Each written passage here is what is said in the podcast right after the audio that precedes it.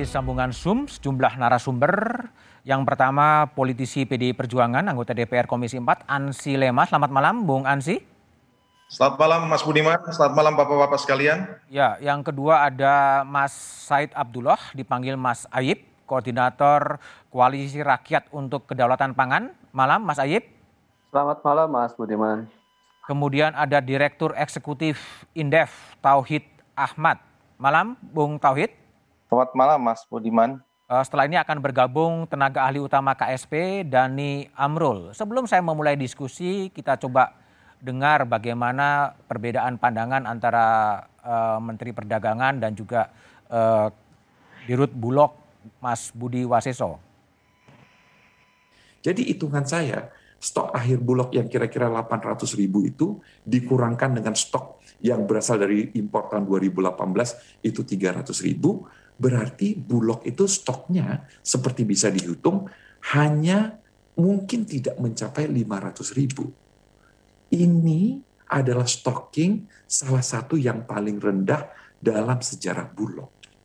Kalau misalnya pengadaan Bulog di dalam masa panen ini berjalan dengan baik, saya tidak ada masalah kita tidak impor selama Bulog mempunyai aren stok satu juta. Sisa beras impor kami pada saat kami laporkan bulan uh, Maret Pak, Maret tahun lalu itu 900 ribu ton Pak. Sisa impor dari 1,7 sekian juta itu Pak. Itu beras impor Pak. Jadi sudah menaun Pak. Dan kondisinya masih pada satu masih layak pakai tapi harus di mix Pak. Kalau kalau kami harus impor Pak, ini masalahnya juga akan selesai Pak karena belum ada putusan sama sekali dari pemerintah. Akan diapakan nih Pak beras yang 370 ribu ton ini Pak. Yang sudah mulai menurun Pak. Karena itu harus segera ditangani Pak. Oke, Kompas saya juga telah mengumbang sejumlah narasumber dari Kementerian Perdagangan dan Bulog, tapi kedua belah pihak uh, tidak bisa untuk hadir. Saya masih menunggu juga uh, Dani Amrul, tenaga ahli utama KSP, untuk ikut dalam dialog pada malam hari ini. Saya akan mulai pada Ansi Lema. Bung Ansi, uh, sikap PDI Perjuangan yang disampaikan oleh Sekjen cukup keras ya, betul menolak impor beras? Betul, Mas Bud. Kenapa ditolak? PDI Perjuangan Ya, dasar dalam pembuatan kebijakan itu kan harus ada kajian. Okay. Dan kalau kita bicara kajian, parameter yang pertama itu adalah data. Data ini kan harus valid dan akurat. Okay. Selain data, kita juga harus bisa menelusuri hmm. kepentingan siapa yang mau kita lindungi di balik ini. Kepentingan dan siapa? Juga, kalau menurut Bung Ansi, kepentingan siapa? Ya kepentingan petani hmm. dan kepentingan konsumen tentu saja. Oke. Okay. Nah, kalau kita merujuk pada data, kita tahu bahwa Kementerian Pertanian ya itu sebagai institusi resmi negara yang mengatur perihal pangan, produk dan komoditas pertanian itu sudah memaparkan perkiraan ketersediaan beras dari Januari hingga Mei tahun 2021 hmm. sebesar 24,901 juta ton. Sedangkan prediksi kebutuhan beras Januari sampai Mei 2021 itu 12,36 juta ton. Oke. Okay. Nah, artinya terdapat surplus beras ya sebesar 12,565 juta ton. Itu data Kementerian Pertanian yang disampaikan oleh Menteri Pertanian Bapak Sarul Yassin Limpo dalam rapat kerja Komisi 4 DPR RI dengan Menteri Pertanian beberapa waktu lalu, satu minggu yang lalu. Bung Ansi, lalu kalau memang data Kementerian Pertanian tidak menim, apa nggak ada masalah, tapi kenapa kemudian ada uh, rencana untuk impor beras? Ya itu jangan ditanyakan ke saya dong. Kalau menurut Anda apa yang terjadi? Ya, Mas Bud, selain data dari Kementerian Pertanian, ini data juga dari BPS nih. Okay. Sebagai lembaga data resmi negara yang selalu kita jadikan rujukan dalam proses pengambilan dan penentuan kebijakan. Hmm. Itu jelas angkanya. Hmm. Disebutkan Januari sampai April 2021 saja, ya produksi padi itu bisa mencapai 25,37 juta ton gabah kering atau mengalami kenaikan sebesar 5,37 juta ton dibandingkan periode yang sama pada tahun lalu. Oke. Nah, data-data ini menunjukkan bahwa kita mengalami surplus. Oke, Bung Ansi, kalau Bung, Bung, Ansi, Bung, Bung Ansi, kalau saya baca pernyataan dari Sekjen PDI Perjuangan Hasto Kristianto, ini ada pemburu rente. Betul demikian? Ya, tentu kita tidak mau eh, apa ya, Mas, tidak mau menuduh berdasarkan katakanlah tanpa data. Hmm. Tetapi aroma ke arah sana bahwa ada rent seeking politician and bureaucrats ya yang mengakumulasi profit ini syarat. Mengapa? Karena pada saat ini itu kita ini mengalami surplus berdasarkan data-data yang sudah dipaparkan. Setidaknya melalui Kementerian Pertanian, melalui data BPS dan juga penegasan secara tegas, lugas dan terang yang disampaikan oleh Kepala Bulog, Pak Budi Wasiso. Mas nah, Ansi, Bung Ansi, rent seekernya itu siapa? Aroma karasana rent seeker itu Pak. Mas Bud, aroma karasana kita bisa melihat itu. Oh. Di tengah surplus beras dan di tengah pada bulan April nanti akan ada panen raya. Ini kan suatu ironi besar. Ya, saya juga tidak akan menuduh, menunjuk orang per orang atau menunjuk hidung orang tertentu. Tetapi bahwa aroma ke arah sana, kalau importasi dilakukan pada saat surplus beras dan pada saat panen raya akan dilakukan, ini sebenarnya merupakan tindakan membunuh petani ini, ya, dan melanggengkan ketergantungan kita pada produk pangan impor. Oke. Kira-kira demikian, Mas Bud. Kalau saya baca pernyataan dari Mendak uh, Muhammad Lutfi di DPR, ya, kira-kira kan dia rela mengambil sebuah keputusan yang tidak populer justru untuk mengamankan stok beras karena serapan dari Bulog memang tidak tidak seperti yang dibayangkan. Gimana? Ya data itu kan harus dijalankan di, disandingkan dengan data begitu. Hmm. Data yang disampaikan oleh beliau itu kan boleh dibilang cukup lemah ya jika disandingkan dengan data dari Kementerian Pertanian okay. sebagai lembaga negara yang mengatur tentang produksi hmm. pangan dan produk pertanian lainnya data juga dari BPS dan kepala Bulog juga menyatakan hal yang sama. Hmm.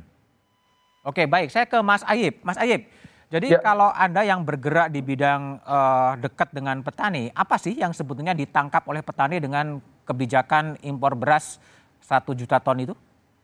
Ya, terima kasih Mas Budiman. Tentu saja ini uh, sangat uh, apa? Saya mau katakan sangat mengecewakan kita semua ya, terutama teman-teman petani. Kenapa saya bilang mengecewakan? Bahkan kalau lebih kuat kita bisa sebut sebagai ini sebuah keputusan yang uh, apa namanya uh, uh, mengkhianati petani kalau mau saya lebih keras begitu ya. Kenapa? Hmm. Karena uh, sesungguhnya dua sejak dua bahkan tiga minggu yang lalu panen itu sudah dimulai mas okay. uh, Budiman di beberapa titik dan hari ini uh, sudah sebagian besar sudah mulai panen. Hmm? Uh, ini kenapa saya bilang katakan bahwa ini sebuah bentuk pengkhianatan bagi bagi saya ya ngelihatnya. Kenapa? Seperti Bang uh, Ansi tadi sampaikan, di saat petani akan mencapai panen raya, justru dia dihadapkan pada isu yang sangat uh, apa namanya sangat memukul mereka.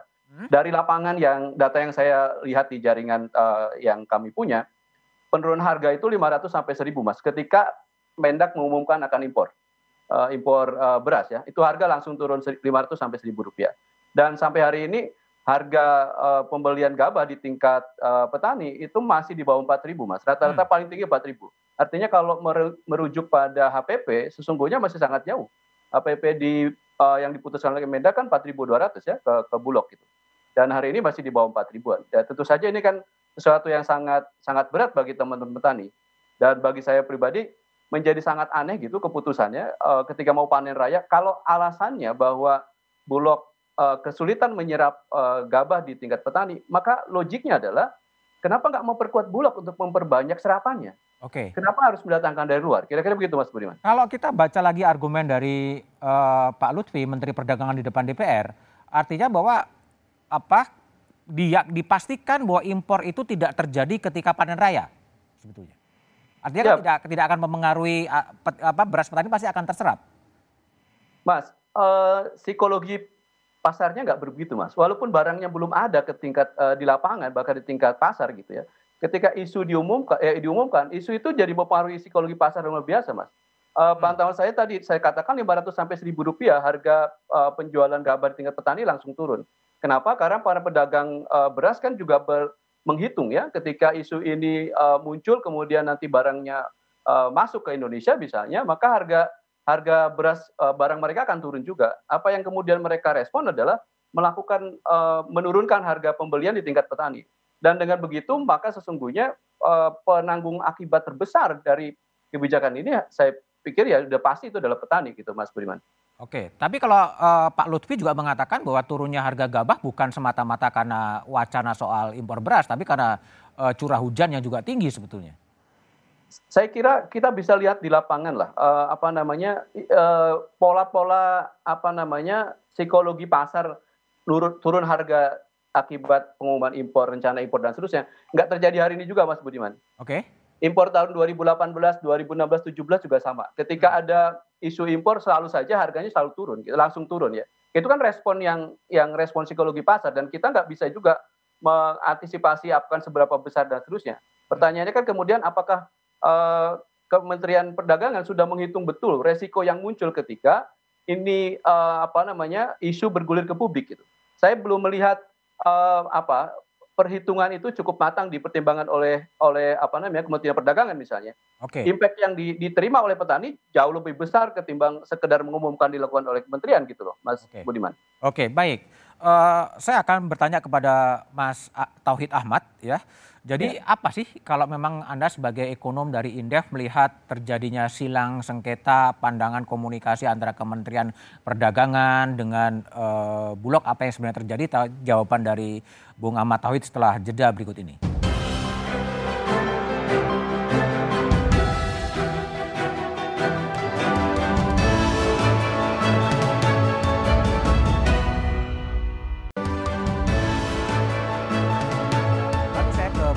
Tauhid Ahmad, Direktur ya. Eksekutif Undip, eh, Undip, Indef, sorry. Uh, jadi Bung uh, Tauhid, jadi sebetulnya ini apa perbedaan data antara Bulog dan Kemendak sehingga gaduh atau apa yang Anda lihat di balik silang sengketa soal impor atau tidak? Ya, kalau kita lihat ini kan kebijakannya kebijakan kehati-hatian atau precautionary ya. Artinya pemerintah pada dasarnya melihat bahwa ini ada kebijakan yang tiap tahun dilakukan, hmm? uh, tiap tahun dilakukan dan tergantung kepada kondisi begitu. Okay. Nah, saya saya menangkap bahwa uh, Kementerian Perdagangan tidak uh, katakanlah uh, kurang impresif dengan apa yang dilakukan oleh uh, Bulog terhadap uh, pertama soal uh, cadangan uh, beras itu sendiri. Hmm. Yang kedua adalah kemampuan dalam uh, menyerap uh, gabah dari petani. Okay. Karena dua hal itu yang menyebabkan uh, ke, saya menangkap Kementerian uh, Perdagangan untuk mengambil kebijakan mungkin secara sepihak hmm. dengan uh, katakanlah uh, tidak melihat beberapa pertimbangan. Yang pertama informasi dari Kementerian pertama uh, Pertanian soal seberapa jauh produksi padi maupun panen yang dilakukan termasuk mempertimbangkan uh, data dari BPS bahwa tahun ini lebih baik dibandingkan tahun 2020. Yang kedua juga uh, informasi mengenai perkembangan harga ini penting karena kalau kita lihat Januari, Februari itu jauh lebih rendah dibandingkan uh, tahun lalu. Artinya sebenarnya harganya relatif stabil dan dan ini menentukan juga kapan mereka harus melakukan impor karena dasarnya adalah ketika harga sudah meningkat cukup tajam di atas 5 sampai 10 persen. Nah, Bung, ini, Bung Tauhid, jadi kalau ya. saya, maaf saya potong, jadi sebetulnya ini sebenarnya data-data perbedaan ini dikumpulkan di mana, siapa yang berhak mengumpulkan sehingga keputusan itu berdasarkan berbagai data atau atau gimana ya, sebetulnya? Ini kan sebenarnya di uh, katakanlah ini kan di dalam uh, rapat terbatas dengan uh, Kementerian Perekonomian tentu okay. uh, berasal dari Kemenko Perekonomian yang melakukan rapat dengan uh, para pihak, uh, terutama Kementerian Pertanian, Kementerian hmm. Perdagangan, dan uh, tentu saja uh, informasi dari Bulog dari bawah begitu. Nah, saya menangkap memang hasil ratas ini tidak terkonfirmasi ke banyak pihak dan tidak uh, terkonfirmasi sudah, itu artinya apa? Ya sudah tidak konfirmasi ke Bulog melihat ada misalnya data perbedaan yang cukup signifikan tadi yang disampaikan ya kemudian konfirmasi bahwa beras kita aman itu juga tidak terkonfirmasi bahwa kita tidak perlu melakukan impor. Seharusnya pada tahap ratas sudah ada keputusan sementara pembicaraan mengenai impor ini tidak perlu dilakukan. Nah kalau kita lihat siklus bahwa e, penurunan produksi itu terjadi di bulan Juli, itu biasanya baru pembicaraan mengenai impor. Nah ini yang agak aneh bahwa kita e, memutuskan untuk jauh lebih awal untuk e, pencadangan e, katakanlah beras. Yang kedua adalah soal sumber daripada pencadangan sendiri. Kenapa impor yang harus dilakukan dan memang kenapa tidak melakukan penyerapan dari beras e, dari petani dan itu sesungguhnya adalah yang paling utama menurut Undang-Undang Pangan. Nah ini yang saya kira keputusan itu yang berbeda tentu dari Kementerian Pertanian menginginkan bahwa harus menyerap gabah petani begitu. Sementara Kementerian Perdagangan melihat kepentingan konsumen dilihat harga yang relatif stabil. Nah inilah yang berbeda kepentingan yang seharusnya diambil keputusan secara bijak oleh Kementerian Perekonomian. Nah ini yang saya juga rada aneh bahwa harusnya Kementerian Perekonomian yang mengambil sikap dan mempertanggungjawabkan hasil ratas tersebut begitu mas. Ini kan ada data Kementerian Pertanian, data Bulog, ada data Kemendak gitu kan. Ini sebetulnya kalau menurut Anda lihat ini semata-mata karena memang miskoordinasi di antara kementerian atau apa sih yang terjadi? Ya, saya kira yang pertama adalah masing-masing kementerian mempertahankan uh, mandat atau ke, uh, kepentingan daripada kementeriannya masing-masing, oh. sehingga ada terjadi perbedaan dalam pengambilan keputusan. Yang kedua adalah uh, soal uh, koordinasi dalam pengambilan keputusan sendiri. Oh. Seharusnya memang uh, informasi ini tidak perlu dibicarakan sampai uh, bulan sekarang kalau misalnya sudah ada informasi jelas dari Bulog maupun dari pertanian bahwa kita ini tidak perlu uh, uh, produksi kita aman, hmm. cadangan beras penyerapan normal begitu. Jadi ini yang tidak terkonfirmasi sampai level atas. Nah ini saya kira yang sangat disayangkan begitu. Oke, Bung Ansi kembali ya. Saya uh, kita sudah mencoba mengundang dari Kementerian Perdagangan dan Bulog dan kemudian saya masih menunggu Dani Amrul dari tenaga ahli utama KSP yang akan bergabung tapi belum sempat bergabung. Uh, coba Bung Ansi, ini kan kalau Pak Jokowi itu kan berulang kali mengatakan tidak ada visi dan misi dari menteri yang ada adalah visi presiden. Ini kok bisa Anda lihat sekarang apakah ini berjalan sendiri-sendiri atau apa yang terjadi Bung Ansi? Bung Ansi mungkin masih mute.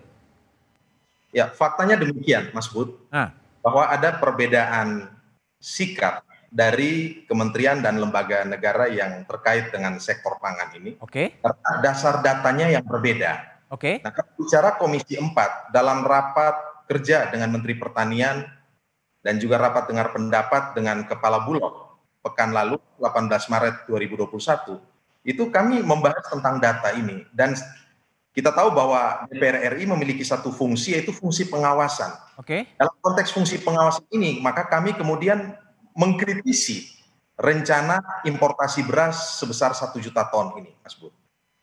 Jadi yang, di, yang dijalankan sekarang ini sebetulnya visinya presiden atau visinya para menteri yang berbeda-beda? Memangnya ada visinya para menteri. Lalu yang terjadi sekarang posisi presiden di mana?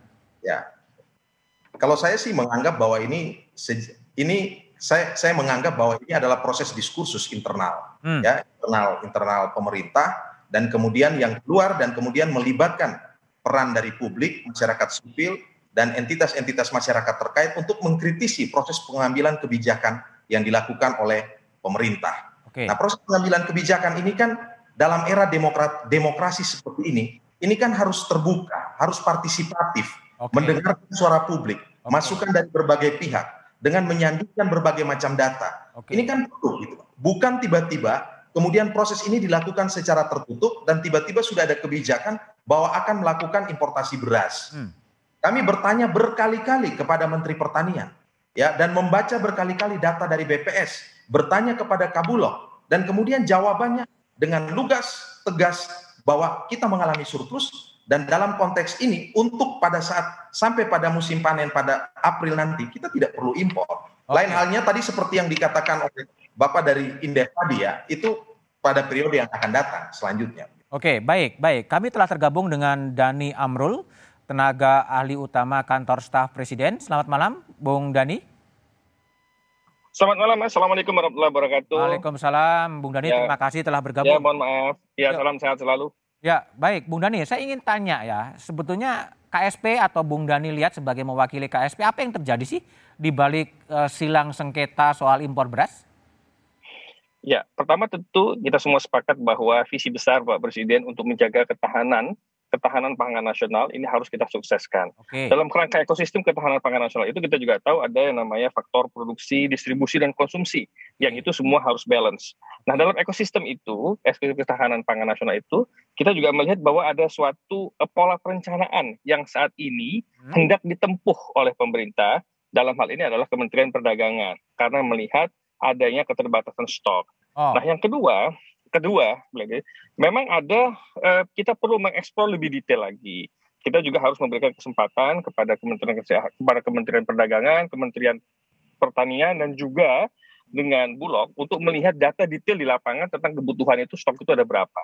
Hmm. Jadi keterbukaan informasi data itu sangat diperlukan sehingga kita bisa mendapatkan uh, data evidence yang clear berapa kebutuhan dan cadangan stok itu sehingga dalam menentukan buffer stok itu juga jelas. Hmm. Kita juga tahu bahwa sekarang menurut FAO, menurut FAO kan ini kan sudah melebihi ya dari uh, apa yang sudah ditetapkan oleh FAO bahwa uh, cadangan kita ini sudah sudah 13 juta ton, ada sudah cukup lah ya, sudah cukup memenuhi kebutuhan dalam negeri.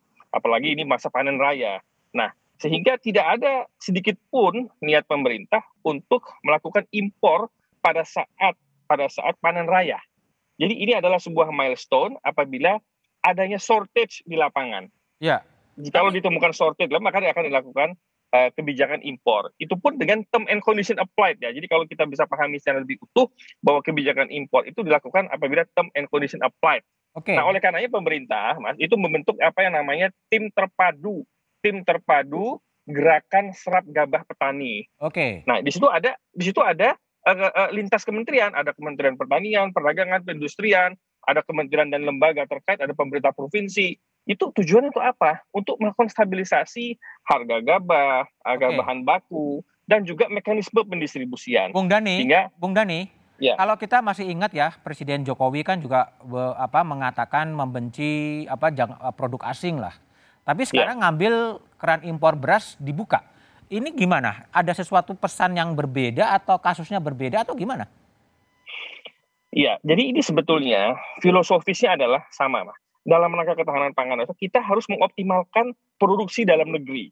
Oke. Sebagai pesan utama dari Presiden, dalam masa pandemi ini kita jadikan momentum untuk melakukan transformasi fundamental perekonomian kita, termasuk memperkuat perekonomian dan pertanian kita, karena kita negara agriculture. Ah. Nah, sehingga ini kan perlu tatanan yang harus dibenahi.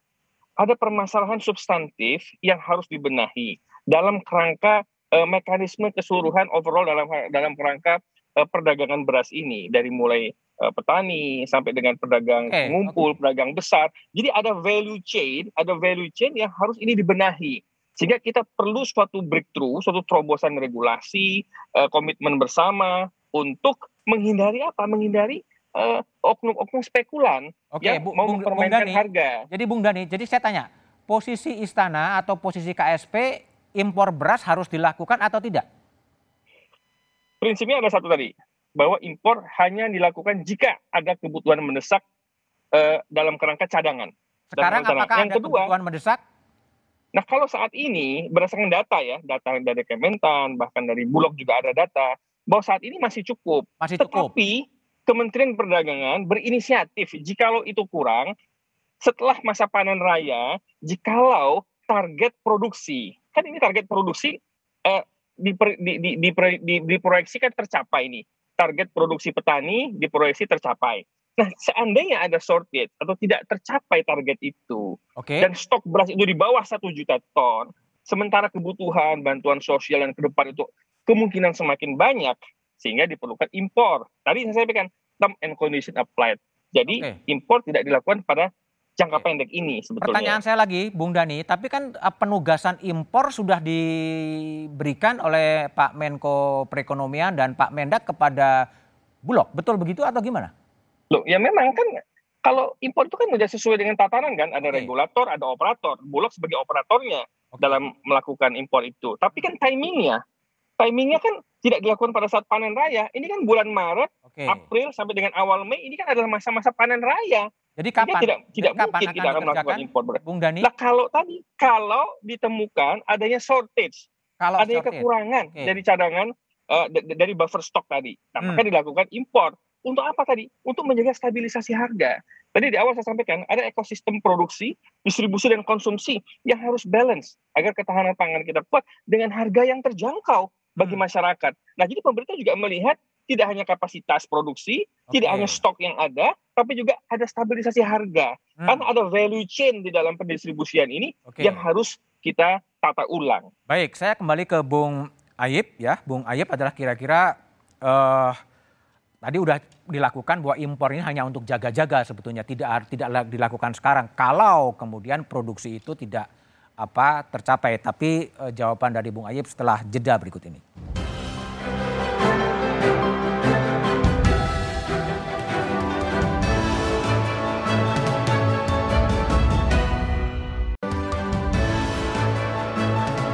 Kepada Bung Ayib, ya Bung Ayib.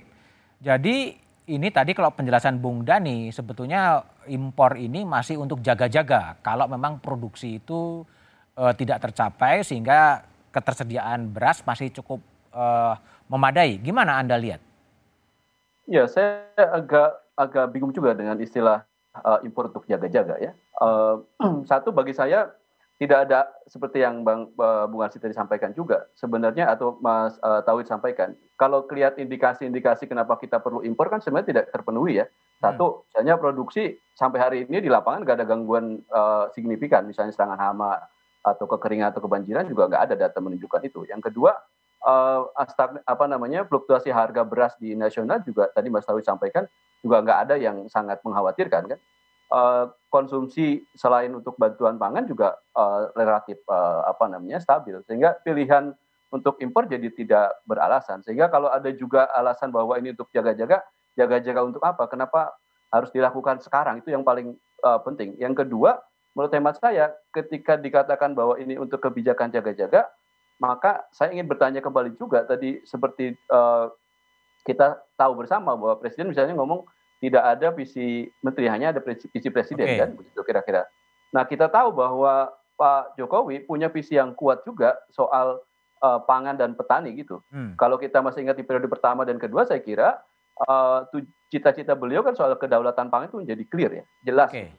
Nah esensi dasar bagi uh, kedaulatan pangan bagi saya dan teman-teman di KRKP misalnya adalah kedaulatan petani itu sendiri. Yang kedaulatan petani ya Oke, okay, baik, baik, Bung Ayib. Kita coba dengar bagaimana pandangan petani sendiri yang memang e, menanggapi wacana atau e, apa e, diskusi kebijakan soal impor beras. Mungkin bisa diputar. Bagaimana petani merespon itu? Kasihan petani lah. Panen raya masih banyak. Ibaratnya masih mencukupi dalam situasi nasional itu hanya ya, ya baik sebenarnya. Saya kira kalau pemerintah impor beras, kayaknya kurang tempat. Berarti menghancurkan petani lebih daripada itu penghancurnya, Pak. Mesti mendingankah pemerintah itu mengekspor? Berarti harga padi kan naik tuh, Pak. Kalau ya impor, bayangkan itu. Nanti petani bagaimana untuk menombok hal yang semacam itu. Oke, Kali lanjut ke Bung uh, Tauhid. Bung Tauhid, ini logika ya. impor kalau dari kajian Indef Berapa besar sih kemudian uh, importir itu mendapatkan uh, margin?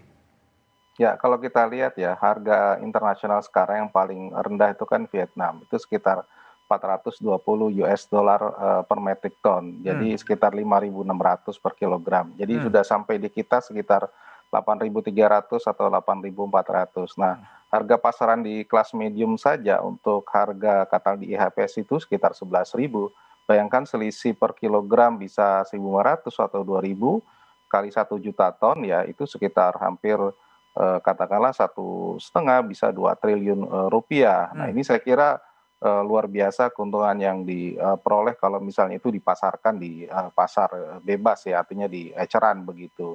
Nah tentu saja kalau kita lihat data dari eh, studi yang dilakukan oleh BPS tentang margin perdagangan dan pengangkutan itu tertinggi itu di DKI Jakarta marginnya bisa sampai 34 persen dari 34 persen 34 persen dari tingkat penggilingan sampai ke konsumen hmm. atau bahkan dari importir ke konsumen. Nah besarnya margin itu tentu saja dinikmati berapa pihak. Nah apalagi ini yang pertama itu dalam kondisi normal, apalagi dalam kondisi ada info soal beras impor itu akan menekan harga di tingkat hulu di produsen lebih rendah dan otomatis uh, marginnya akan jauh lebih tinggi. Ini secara nggak langsung ada pihak-pihak yang mengambil situasi uh, ini menjadi manfaat mereka, terutama dalam struktur tata niaga kita begitu. Nah inilah yang saya kira sisi ini yang harusnya juga dilihat kembali begitu.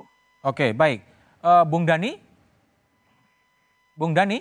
Iya, iya Mas. Bung Dani, jadi. Ya Mas Budiman. Ya. Jadi tadi agak diragukan bahwa argumen Anda bahwa kebijakan ini untuk jaga-jaga sebetulnya. Karena faktanya kan sekarang harga gabah sudah anjlok dan ada margin yang cukup besar, rente yang cukup besar dari importir. Gimana sebetulnya yang terjadi Anda lihat? Ya, di awal tadi sudah saya sampaikan bahwa komitmen pemerintah itu menjaga stabilisasi terhadap penyerap stabilisasi harga dan juga penyerapan produksi nasional. Jadi itu komitmen pemerintah. Penyerapan uh, produksi nasional akan dijaga dan akan diserap seoptimal mungkin untuk memenuhi kebutuhan dalam negeri. Nah, kita juga tahu bahwa produksi kita sekarang ini kalau kita lihat data dari proyeksi dari Kementan sampai dengan Mei 2021 ini produksi beras kita sudah 18,3 juta ton. Hmm. Nah, sementara kebutuhannya itu hanya 12,3 juta ton. Artinya ada ada ada ada ada spare situ, ada surplus ah. yang cukup banyak. Artinya cukup nih. Makanya okay. pada panen raya Maret, April, awal Mei itu tidak dilakukan uh, impor, tidak hmm. ada. Nah, nah tapi kan bagaimanapun kan kementerian dan lembaga itu kan harus menyiapkan uh, plan A, plan B. Okay. Jadi wajar-wajar saja kalau Kementerian Perdagangan itu kemudian membuat skenario, membuat uh, suatu uh, langkah kerja lah apabila ini tidak tercapai maka diambil skenario uh, untuk melakukan impor. Tapi sekali lagi bahwa pemerintah fokus saat ini untuk menyerap kebutuhan dalam negeri melalui produksi uh, dari petani. Sehingga tadi pemerintah membuat tim terpadu tadi dalam kerangka uh, membantu agar harga gabah umpamanya tidak tidak uh, melonjak naik hmm. dengan membuat tim terpadu antar kementerian tadi. Tapi yang disampaikan oleh teman-teman tadi juga betul bahwa ini ada permasalahan data yang harus kita sinkronkan sehingga kebijakan ini kebijakan ini akan menjadi kebijakan yang berbasiskan kepada data faktual di antara lintas kementerian sehingga hmm. clear. Apabila ke depan katakanlah harus dilakukan impor itu juga clear. Ada need-nya memang harus dilakukan itu. Tapi kalau tidak ya memang artinya cukup uh, kebutuhan uh, beras kita di rata-rata satu juta sampai satu juta setengah ton uh, sesuai dengan target dari Bulog. Jadi Bung Dani, kalau diperjelas bahwa sebetulnya sekarang perintah impor satu juta ton itu sudah turun. Bagaimana mas? Perintah impor Baik. kepada Bulog untuk mengimpor uh, beras satu juta ton sudah turun, sudah keluar ya? Nah, ini kita perlu minta klarifikasi dengan sejelas-jelasnya. Saya tidak tidak bisa mengatakan bahwa ini apakah sudah ada perintah. Karena tadi saya sampaikan ada regulator, ada operator. Operatornya Bulog. Nah, Bulog sebagai operator menjalankan perintah itu apabila memang ada perintah yang jelas, yang clear, dengan catatan ada kebutuhan. Nah, ada kebutuhan. Kalau pertanyaan impor. saya, pertanyaan saya, perintahnya itu sudah ada atau masih wacana? Apa yang saya eh, lihat ya bahwa ini kan semua dalam tahap perencanaan. Ya dalam tahap perencanaan. Saya belum melihat ada perintah tertulis atau apa saya belum lihat. Nanti oh. coba dicek juga dengan Kementerian Perdagangan. Cuman apa yang kami ketahui itu dalam kerangka uh, persiapan. Tapi sekali lagi kita fokus kepada penyerapan produksi dalam negeri. Hmm. Itu menjadi fokus dan dan penekanan kita saat ini yang harus hmm. kita capai bersama-sama khususnya untuk menjaga suksesnya panen raya untuk memenuhi kebutuhan dalam negeri. Bung Dani, kalau saya baca kutipan pernyataan dari Menteri Perdagangan Muhammad Lutfi di DPR, artinya beliau mengatakan mengaku siap melepas jabatannya jika keputusannya tersebut salah. Ya, saya mesti memikirkan yang tidak terpikirkan, saya mesti ambil keputusan-keputusan yang nggak populer, saya hadapi, kalau saya salah siap berhenti, nggak ada masalah. Artinya bahwa ada sesuatu yang dipikirkan untuk jaga-jaga atau apa pun namanya oleh Pak Mendak dan kalau itu dianggap salah ya dia siap menanggung resiko politik. Artinya keputusannya sudah ada ya sebetulnya ya. Uh, saya tidak mau berandai-andai ya. Cuman dalam kerangka ini apa yang disampaikan oleh Pak Mendak ya sebagai konsekuensi logis hmm. sebagai seorang pejabat publik, pejabat negara harus mempersiapkan skenario-skenario apa pun bahkan skenario terburuk hmm. yang harus disiapkan oleh seorang pejabat negara, pejabat publik. Okay. Dan itu adalah konsekuensi logis dari jabatan. Hmm. Dan itu juga yang disampaikan oleh beliau ya itu sah-sah saja, itu betul-betul. Ini itu betul. Sebagai pejabat negara menyampaikan kalau salah ya siap menanggung konsekuensinya. Kira-kira kan begitulah. Ya. Nah, itu adalah suatu tanggung jawab logis yang yang ber, ya, yang membuat suatu uh, usulan lah terhadap suatu kebijakan-kebijakan atau sebuah terobosan yang diyakini benar atau sebuah uh, usulan keputusan atau usulan kebijakan yang diyakini itu membawa kemaslahatan dalam kerangka ekosistem ketahanan pangan nasional. Tapi sekali lagi ya bahwa itu tahapnya adalah tahap perencanaan.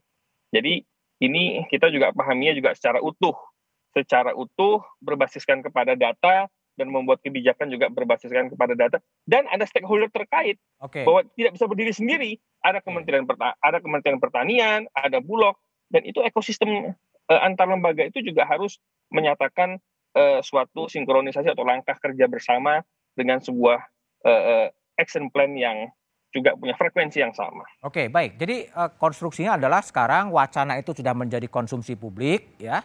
Harga gabah kemudian juga turun, tapi juga belum ada kepastian impor atau tidak impor. Tapi jawabannya setelah jeda berikut ini.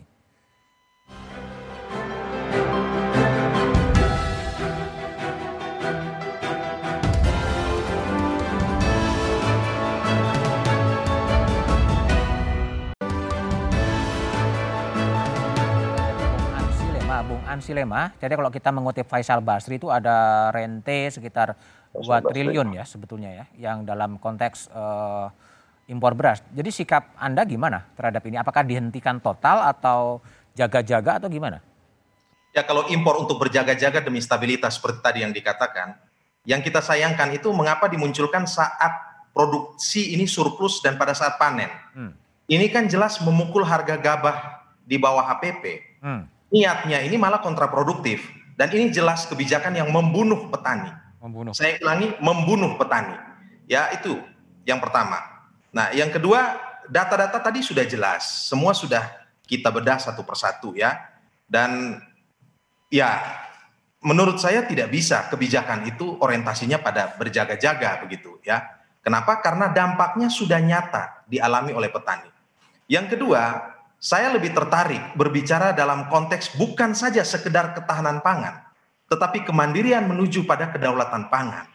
Nah, Bung Karno itu pernah mengingatkan kita bahwa jangan kita ya menyerahkan selera ujung lidah kita itu kepada kita rasa asing begitu. Oke. Sebenarnya beliau mau tekankan bahwa orientasi kita bukan saja pada sekedar ketahanan pangan. Ketahanan itu bicara ketersediaan, bicara keterjangkauan. Dari mana pun produk pangan itu, dari mana pun produk pertanian itu mau impor atau tidak, itu tidak masalah. Tetapi kita bisa berpikir bahwa ketika bicara pangan, ini bicara hidup dan mati hmm. kita. Karena itu menurut saya, kita harus dalam masa pandemi ini mestinya memutar paradigma pembangunan pertanian kita, pembangunan pangan kita, ya, yang punya visi arah dan orientasi menuju pada kemandirian dan kedaulatan pangan. Oke, Caranya baik, ya baik, jangan rice oriented, baik, jangan rice oriented. Diversifikasi pangan itu menjadi hal yang perlu. Oke. Impor sebenarnya tidak masalah, ya, tapi ya. jangan pada saat surplus kita impor. Kalau defisit impor ya biasa saja, Mas. Oke, baik, Bung Ayib, Said Abdullah. Jadi ini wacana sudah terlanjur menjadi konsumsi publik dan harga gabah uh, disebut-sebut telah jatuh. Terus apa sebenarnya harapan Anda yang uh, kepada pemerintah mau diapakan policy apa rumor yang seperti sekarang ini? Iya, saya kira pemerintah harus me, apa, mengambil uh, satu tindakan yang kuat ya. Misalnya dengan segera mengumumkan kalau ini memang betul uh, masih wacana, segera umumkan ke publik bahwa ini wacana dan tidak akan dilakukan uh, impor di bulan-bulan panen raya. Itu menjadi penting menurut saya statement dari pemerintah untuk menenangkan psikologi uh, pasar dan petani. Yang kedua yang ingin saya sampaikan dengan situasi sekarang maka saya sepakat dengan Bang Ansi tadi, uh, ini momentum yang pas menurut saya bagi pemerintah kalau mau betul uh, cita-citanya kedaulatan pangan, karena orientasi kedaulatan pangan tidak hanya soal produksi atau uh, produktivitas, tetapi soal perbaikan kehidupan petani. Ketika isu impor ini masuk ke wilayah uh, petani, maka mau tidak mau berdampak pada uh, kehidupan dan kualitas kesejahteraan petani. Kalau mau tujuannya kedaulatan, saya kira bukan begini caranya gitu. Hmm. Uh, yang kedua, dengan uh, situasi yang sekarang, pemerintah mau tidak mau, suka tidak suka menurut saya, harus segera melakukan penguatan pada tata kelola dan akuntabilitas okay. kebijakan pangan di, di Indonesia. Salah okay. satunya, Bang Budiman, menurut hemat saya, uh, bagaimana kelembagaan-kelembagaan pangan ya, terutama pangan uh, Badan Pangan Nasional itu Betul. salah satu harus segera dibentuk. Oke, Jangan baik. sampai ada situasi yang berulang seperti sekarang ini. Baik, baik, Bung Tauhid Ahmad. Jadi ya. uh, apa solusi yang anda tawarkan sekarang terhadap apa uh, kontroversi soal impor beras? Yang pertama saya kira pemerintah harus tegas untuk kalau tadi sudah diputuskan, saya kira memang harus ditunda sampai memang eh, data real ya di keputusan mengenai panen atau pengadaan bulog sampai bulan Mei itu menjadi penting. Jadi hmm. basis on data real baru bilang uh, keputusan dan sebagainya. Yang kedua, saya kira dalam waktu cepat betul Bulog harus bisa meningkatkan serapan di dalam negeri. Ini penting karena kalau tidak tidak ada uh, stabilitas uh, apa uh, cadangan maupun stabilitas harga di tingkat petani karena ini penting. Yang ketiga berkaitan dengan koordinasi. Saya kira ini kunci masalah bahwa koordinasi yang lemah antar kementerian dalam pengambilan keputusan ini harusnya lebih tegas begitu. Kalau memang ini baru rumor dan sebagainya, dari awal tuh sudah disampaikan bahwa ini wacana. Jadi ini sengaja dibiarkan dan blunder. Saya kira ini penting. Yang ke, yang yang juga penting adalah eh, bagi pelaku usaha, pengusaha penggilingan dan rantai tenaga yang tidak menguntungkan bagi semua pihak ini harus juga diperbaiki termasuk hulu dan hilir termasuk meminta eh, masa-masa sekarang untuk tidak dilakukan spekulasi dalam dalam melakukan stocking maupun uh, permainan harga. Saya kira Oke, baik, baik, Bung, gitu. Bung, Bung Tauhid. Sekarang Bung Dani, Bung Dani, jadi apa sekarang yang akan dikerjakan oleh pemerintah setelah baik. rumor ini begitu merajalela ke mana-mana?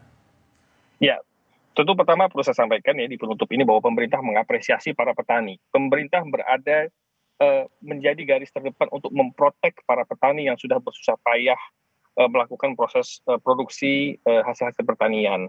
Dan pemerintah pastikan akan menyerap hasil pertanian itu sebaik-baiknya untuk didistribusikan dengan uh, rantai yang juga sebaik-baiknya. Hmm. Nah, selanjutnya kita juga memper perlu memperbaiki tatanan tata kelola distribusi logistik ini. Sehingga dalam ekosistem ketahanan pangan nasional ini harus kita perbaiki dari sisi produksi, distribusi, dan konsumsi. Ada value chain yang harus kita perbaiki. Dari sisi produksi, kita perlu meningkatkan kapasitas produksi okay. tentu. Kemudian teknologi untuk para petani, untuk para petani juga perlu di-upgrade. Sehingga kita bisa melakukan uh, produksi dengan uh, economy of scale, dengan skala ekonomis yang lebih baik. Okay. Dalam distribusi, ada distribusi chain yang harus kita benahi, yang harus kita pangkas, sehingga tidak ada Eh, para oknum-oknum spekulan mencoba bermain uh, pada kondisi panen raya. Oke, Sehingga baik. Oke, kami baik. pastikan pada saat panen raya itu tidak terjadi Yang pasti uh, impor pemerintah beras. akan berpijak kepada petani. Kira-kira itu poin dari Pasti. Bung Dani. Itu pemerintah, presiden, Kami. pemerintah dan semua stakeholder komit untuk berada memprotek industri dalam negeri khususnya para petani yang sudah bisa payah baik. menghasilkan hasil pertanian. Baik, Bung Dani, Bung Ansi, Bung Ayib, dan Bung Ahmad Tauhid, terima kasih telah bergabung di satu meja The Forum. Sengkarut kebijakan impor beras mengindikasikan lemahnya koordinasi dan komunikasi lintas kementerian. Perbedaan soal data, kecurigaan adanya motif lain di balik impor beras harus segera diselesaikan. Saatnya Presiden Jokowi turun menengahi kontroversi di antara pembantunya. Seperti